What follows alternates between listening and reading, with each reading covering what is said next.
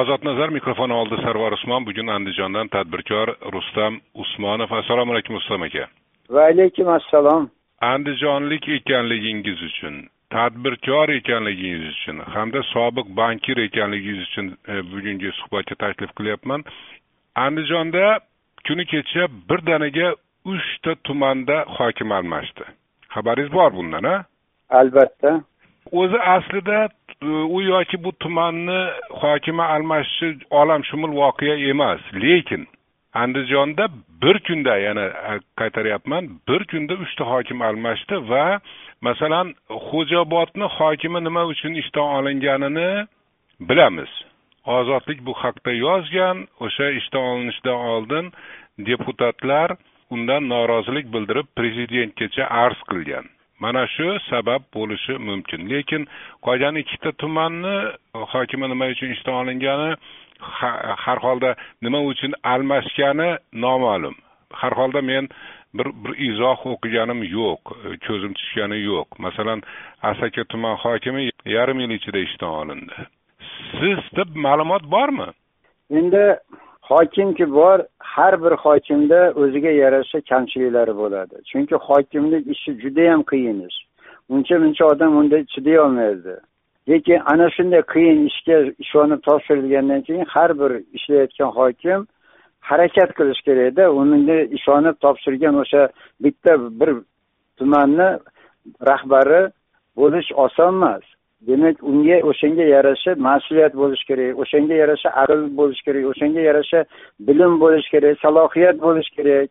Afsuski bizda hokimlarni e, avvalgi esir davridagidaqa oldindan haligi rezervni qo'yib ularni sinab boshqa qiladigan imkoniyat hozirgi kunda qolmadi. O'zingiz mana ko'rib turibsiz o'zbekistondagi bugungi hayot judayam tez o'zgaryapti. Prezidentni o'zi mana selektorlarda gapirayotgan gaplaridan eshitgan bo'lsalar kerak hamma ham prezident jon jahdi bilan mamlakatni krizisdan ko'tarib olib chiqib ketmoqchi. Yaxshi kunga yetkazmoqchi. Lekin afsuski bizda o'zbekistonda haligi nima deymiz? Tirnoq ostidan kir qidiradigan ayrim odamlar bor. Hozirgi o'sha uchta hokimni ishdan olinishini yana bitta sababini aytay bu haqda sizdan ehtimol so'rashingiz mumkin. Yo'q endi o'sha sababini sababini bilasizmi deb so'rayapmanda shu paytgacha aytganlaringiz umumiy gaplar. Hozir ham umumiy gap aytaman chunki ularni aniq sababini hech kim bilmaydi. Uni ishdan olgan odam biladi aniq sababini и ularni o'zi biladi. Bu yerda har xil sabab bo'lishi mumkin. Lekin bo'layotgan muhim eng muhim sabab shuki o'zini ishlarini eplay olmagani uchun ular ishdan olindi endi masalan mana xo'jaobod hokimi otabek rasulovni o'sha shuhrat abdurahmonovni yaqini degan gaplar chiqdida o'sha e, deputatlarni arzidan keyin. O'shanday bir manfaatlar to'qnashuvi qurboni bo'lib qolmayaptimi o'sha mahalliy hokimiyatlar? Va yo'q ular qurbon bo'lmaydi. binobarin aholi. Yo'q bilib olingda bizni o'zbekchilikda bitta narsa bor. Bittanta odamga yaqinroq bo'lib qolgan bo'lsangiz sal pal ayrim ahmoqlar maqtanishni ham boshlayveradida ha men hokimga yaqinman deb u yer bu yerda atayin o'sha gap tarqagan bo'lsa bu gapni tagida o'shanaqa o'zi uni o'zini maqtanchaligi yotgandir. Keyingi kunlarda bosh prokuraturani maxsus guruhi ishlayotgani aytilyaptida andijonda. Xabaringiz bormi bundan? Endi menimcha faqat andijonda emas hozirgi kunda bosh prokuratura o'zini ishini astoydil qilishni boshladi. Ularni men ham tanqid qildim. Bosh prokuratura o'zini ishini qilmayapti qonun ustuvorligini ta'minlamayapti deb men ham ularni tanqid qildim. Haqiqat shunaqa edi. Lekin bugun bosh prokuratura men o'zimizni mana bu shahar rayon prokurorlarini bilaman.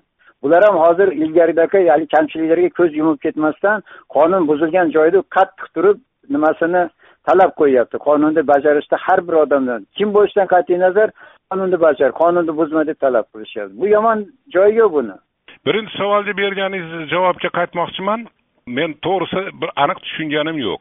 Siz o'sha hokimlik lavozimiga noloyiq kimsalar kelib qolyapti degan gapni aytdingizmi? Yoki o'sha hokimlarni ishi og'ir va ular xususan shu uchta hokim tirnoq ichidan kir qidiradiganlarni qurboni bo'ldi degan fikrni aytdingizmi? O'sha ikkala fikrim ham to'g'ri. Birinchisi hech kimni ichidagini bilmaydi. Yaxshi bo'lib yurgan odam hokim bo'lishi bilan burni ko'tarilib ketishi mumkin. Bu ham bizni o'zbekchilikda bor.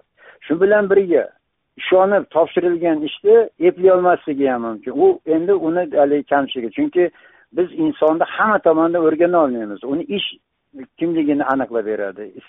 Hayotiy sinov uni kimligini aniqlab beradi. Shuning uchun hokimlarni haligi ishdan ketishida e, agar jinoyat ishi bo'ladigan bo'lsa buni yashirishmayapti. Buni ham hozir e'tibor berayotgan bo'lsa o'zbekistonda jinoyat qilgan hokimni jinoyatchi deb ishdan olishyapti. Xo'jaobodlik deputatlar o'sha hokimni ustidan arz qilishdida bu yangi hodisa o'zbekistonda. Deputatlar to'planib bir qismi o'sha kengashni deputatlarini bir qismi to'planib o'sha hokimni ustidan yozishdi. Bu suyunadigan hodisami yoki boshqa narsami? Bu bizni jamiyatimizdagi bo'layotgan ijobiy o'zgarishni bitta kurtagi deb biling. Shu bugungacha o'zbekistonda deputat sifatida nom chiqargan odamlardan bittasi qo'sherbayev edi. Hozir uni ustidan ham u yoq bu yoq qilishib qiynashib urinishyapti yana bitta ikkita shunaqa deputatlar bor. Lekin kechiringyu bizni deputatlarimiz ilgari tayinlanardi saylanmasdi. Shuning uchun ular tayinlangan odamga xizmat qilardi lekin keyingi paytlarda bitta ikkita deputat haqiqatda xalq tomonidan saylandi. Shuning uchun ana shu qo'sherboyevga o'xshagan deputatlar ularni saylagan xalqqa xizmat qilyapti. Bu tabiiy hodisa bo'lishi kerak. Bu haligi quyushqondan chiqqan narsa emas. Ho'p keling endi boshqa mavzuga o'taylik. Aqsh davlat departamenti kuni kecha hisobot e'lon qildi va undagi asosiy fikr shu. O'zbekistonda mahalliy hokimlar xususiy mulkka daxl qilmoqda. Keling o'sha hisobotdan bir parcha o'qib beray.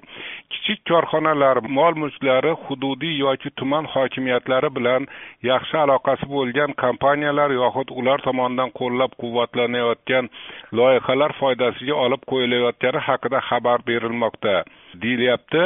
Davlat departamentini jahon davlatlaridagi investitsiyaviy muhit to'g'risidagi yangi hisobotida. Shu xulosaga qo'shilasizmi? Men nafaqat qo'shilaman. Ikki qo'limni ko'tarib aytaman. Bunday hodisa shaxsan menda ham bo'ldi. Xo'sh. Masalan men qirg'iziston respublikasiga tegishli bo'lgan yerni u o'zbekiston hududini ichida bo'lgan u yer qirg'izistondan sotib olganman. Men qamalib ketganimdan keyin u yerni olib hokim odamlarga bo'lib beribdi uy solishmoqqa men bir necha marta qayta qayta aytyapman bular o'sha narsani tushunib yetmayapti. Bu degan so'z ertaga men qirg'izistonga bordim. Yaxshigina o'zimga haligi nima deydi plashdarimni topib ana bu shohimardonni tortib olishim mumkin. Ya'ni o'sha yerdagi xalqni давай kelinglar o'zbekiston uzadi qirg'izistonga o'tinglar deb anneksiya deyiladi bu narsani. Qirg'izistonni yerini masalan o'zbekistondagi bitta hokim tortib olib qo'ydi. Meni qo'limda hujjatlarim bor. Uch yildan beri harakat qilyapman narsaga erishmayapman. Bu shu kunda shu kunda davom etayotgan talash tortish a bu? Ha shu kunda davom etayotgan yana davom. Mana o'zim qamoqdan kelganimdan keyin ham meni qo'limda yetti gektar yerni sotib olganman men qirg'iziston fuqarosi emasman o'zbekiston fuqarosi emasman men rossiya fuqarosiman. Ya'ni men chet el investoriman. O'zbekistonga investitsiya olib kirdim olib kirgan investitsiyamni bir pulga olishmasdan meni yerimni o'n ming dollarga sotib yurdi bu haqda prokurorga ariza berdim. Boshqa prokuror javob beribdi. Biz hokimni qarorini bekor qilishga asos topmadik dedi. Gap qanaqa yer ustida ketyapti bilamiz. O'sha regionda faqat bir barak degan qishloq o'sha qirg'izistonni eksklavi u siz turgan xonoboddan ancha uzoq joyda. Siz aytyapsiz qirg'izistonga qarashli yer o'zbekistonni ichida deyapsiz. Demak qirg'izistonni eksklavi. Да qirg'iziston uchun gap qanchalik yer haqida ketyapti? Uch uch gektar yer haqida ketyapti. Meni uch yerim uni ichidagi mol mulkim hammasi tomonidan hokimiyat tomonidan talon taroj qilingan.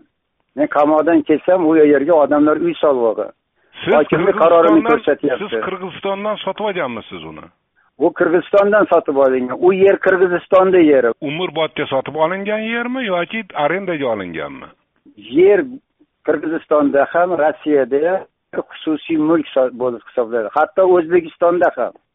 O'zbekistonda xususiy mulk bo'lmagan davlat mulki bo'lgan yerlar bor. O'zbekistonni qonuniga ko'ra yer haqidagi qonunga ko'ra men hukumatdan olib uy solgan joyim qonuniy bo'lsa uy solganimdan keyin u yer xususiy mulk bo'ladi. Ya'ni u yerni mendan biron bir tashkilot qonunga zid yo'l qilib qo'yishga haqqi yo'q. Afsuski o'zbekiston bugungi hokimlari bu hamma tumanlarda ro'y beryapti. Biron bir narsa bo'lsa shu narsani bahona qilib yer davlatniki uy seniki uyini buzib olib chiqib ket yer bizni olamiz deb arzimagan tovon puli berishib yerlarda olib qo'yayotgani bor gap. Siz aytayotgan uch gektar yer u qishloq xo'jaligi оборотidagi yer to'g'rimi? Yo'q uch gektar yer o'zbekistonni hududida qirg'izistonni tamaki tayyorlash punkti hisoblangan. Ilgari shu mana bu nimani atrofdagi qirg'iziston yerlarida ekilgan tamakilarda olib kirish u joyda yaqin bo'lgan ya'ni chegaraga yaqin joy bo'lgani uchun bu yer yigirma sakkizinchi yilda sssr haligi rahbarlari hukumatlari tomonidan kartada belgilangan yer bo'lgan. Bo'pti endi hozir bu suhbatda bu suhbatda siz uch gektar yeringizni butun tarixiga e, mayli to'xtalishga imkonimiz yo'q. Siz sudlashyapsizmi bu masala bo'yicha? Menga e, qo'rg'ontepa tuman hokimi uni o'rniga yer beraman deganida haligacha yer bergani yo'q. Endi sudlashishga majburman. Bo'pti keling yana boshqa mavzuga o'taylik. Bu ozod nazar andijondan taniqli tadbirkor rustam usmonov bilan gaplashyapmiz. Qarz masalasi qarz masalasini tashqi qarz masalasini siz bilan oldin ham gaplashgandik. Endi yana o'sha mavzu bu gal endi moliya vazirligi kecha o'zbekiston aynan kimlardan qaysi davlatlardan qaysi banklardan qarz ekanligi bo'yicha hisobotni e'lon qildi? Haqdorlar orasida osiyo taraqqiyot banki jahon banki xitoy xitoyni eksim banki yaponiya xalqaro hamkorlik agentligi va hokazolar bor.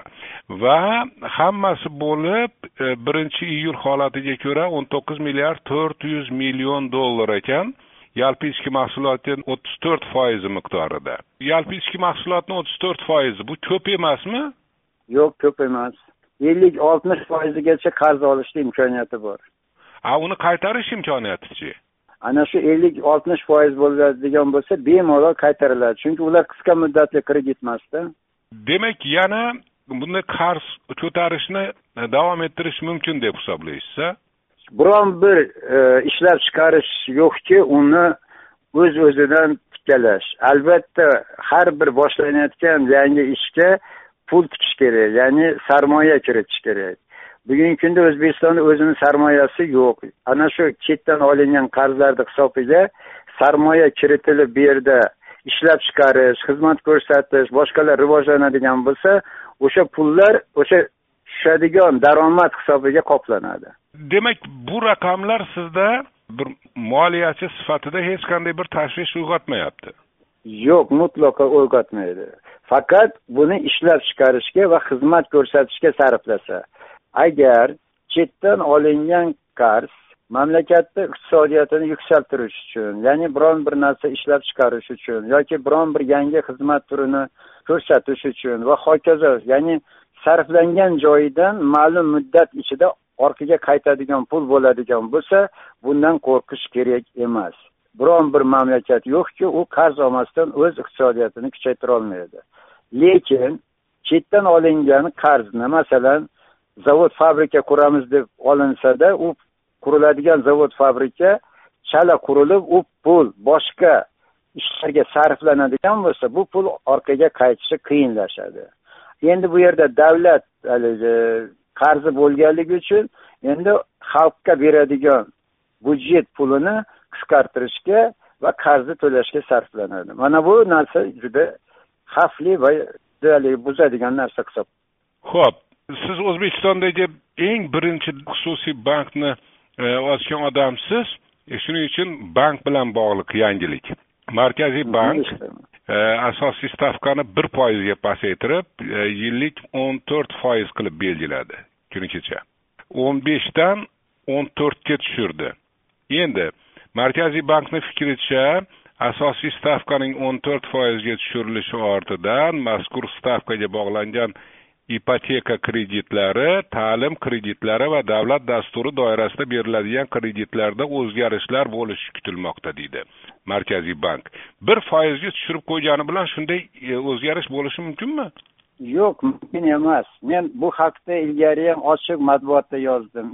Bugun o'zbekiston markaziy banki va uni raisi olib borayotgan siyosat o'zbekiston iqtisodiyotini o'tkazish ya'ni qo'pol qilib aytganda qoziqqa o'tkazish siyosati chetdan olinayotgan kreditlar juda arzon olinadi. Eng ko'pi uch foizli kreditlar. Nega endi uch foizli kreditlarni hisobidan biz iqtisodiyotimizni ko'tarishimiz kerak emas? Nima uchun o'n olti foiz o'n olti foiz o'n to'rt foiz o'n uch foiz? Bunaqa kredit bilan iqtisodiyotni ko'tarishni iloji yo'q. Hatto olib sotarlik qilishni iloji yo'q. O'zbekiston respublikasi markaziy bankini rezervlari imkoniyatlari shu o'n to'rtni qanchagacha tushirishga imkon beradi? Bemalol yetti sakkiz foizlik hozir kredit nimasini qo'ysa ham o'sha markaziy bank marjasi deyiladi. O'shani yetti foizga tushirib berganda ham kommersiy haligi tijorat o'n foizga beradi. Hech bo'lmasa ana shu narsani ushlab turish kerak markaziy bank. Lekin yana qaytarib aytyapman chetdan olinayotgan kreditlarni hisobidan oladigan bo'lsak bu narsani yana ham pasaytirishni iloji bor. Yana ham o'sha yetti foizgacha demoqchisiz a yetti foizdan ham pasaytirish mumkin. Qanchagacha masalan sssr vaqtida kredit uch foizdan oshiq berilmasdi. Ya'ni haligi biz nimaga topshirgan davlatga saqlash uchun bergan pulimizga bizga ikki foiz berardi. Bank shuni nimaga bir nimasi bankka tegishli edi qolganini xalq olgan bo'lar olardi. Ana shu sssr davrida mayli u davlat monopoliyasi deb hisoblasak ham tijorat joylarida ham tijorat e, banklarida ham ana shunga yaqin olib borish mumkin. Yetti sakkiz foizlik kreditni iloji bor. Chetda masalan arab mamlakatlaridan kredit olish problemasi yo'q. Faqat ularni qo'yadigan nimasi olgan kreditingizni deydi. Islomiy qoida bilan sarflaysiz. Ya'ni topgan daromadingizni teng yarmi bizga berasiz deydi. Ya'ni ellikka ellik deydi. Nega shu nimadan islom mamlakatlarida ana shu ellikka ellik kredit olmaymiz. Men jon deb olgan bo'lardim. ellikka ellik ellikka ellik oladigan bo'lsangiz u yetti emas markaziy bank aytayotgan o'n to'rt foiz emas ellikka chiqib ketib qolmaydimi u? Yo'q ellik degani men yuz ming dollar olaman qarz. Xo'sh. Yuz ming dollarni olib uni aylantirib ya'ni uni aylanishga qo'yaman. Ya'ni uni ishlab chiqarish xizmat ko'rsatishga sarflayman. Shundan endi hamma xarajatlarim chiqib ketadi hamma xarajatlarimiz shuni unutmang. Masalan bankdan olingan qarzni ya'ni islom olamidagi banklardan olingan qarz bo'yicha men yuz ming dollar olsam shu yuz ming dollarga yo xizmat ko'rsataman yoki ishlab chiqaraman men qancha xarajatlar ketadigan bo'lsa shu xarajatlarni ko'rsatib u xarajatlarni chiqarib tashlayman. Shundagina sof foyda qoladi. Ana shu sof foydani yarmi ya'ni ellik foizi ularga to'lanadi ellik foizi meni ixtiyorimda qoladi. Ana shuni ellikka ellik deyiladi. Buni yaxshi ma'nosi shundaki hatto men o'sha kredit hisobida ishlagan ishimda hatto men zarar ko'rgan taqdirimda ham zararni yarmini men qoplayman zararni ikkinchi yarmini bo'yniga olishadi. Ya'ni u zarar qanaqa bo'lishidan kelib chiqishiga qarab turib hisobga olinadi u ham. Ho'p tasavvur paydo bo'ldi. Tasavvur paydo bo'ldi. Endi e, so'nggi savolda qarang mana siz aytyapsiz bugungi o'n to'rt foizni markaziy bank yetti va hatto undan ham pasaytirish mumkin dedingiz va buni mexanizmini qanday pasaytirish mumkinligini aytdingiz. Nega shu ishni markaziy bank qilmayapti? Chunki markaziy bankda o'tirganlar davlat manfaatini ko'zlamayapti ular o'zlarini tor manfaatlari markaziy bankni manfaat ishlayapti. Mamlakatining manfaati uchun xizmat qilish kerak. Ular davlat byudjetidan haq oladi xarajatlari to'lanadi. Ularni hamma hamma narsalari moliya vazirligi tomonidan nazorat qilinishi kerak. Afsuski bizni markaziy bank bilmayman kimni yordamida o'zi mustaqil bo'lib qolgan. O'zbekistondagi o'ziga xos mustaqil davlat desangiz bo'laveradi. Tamom andijondan tadbirkor rustam usmonov edi. Rahmat rustam aka. Ho'p ho'p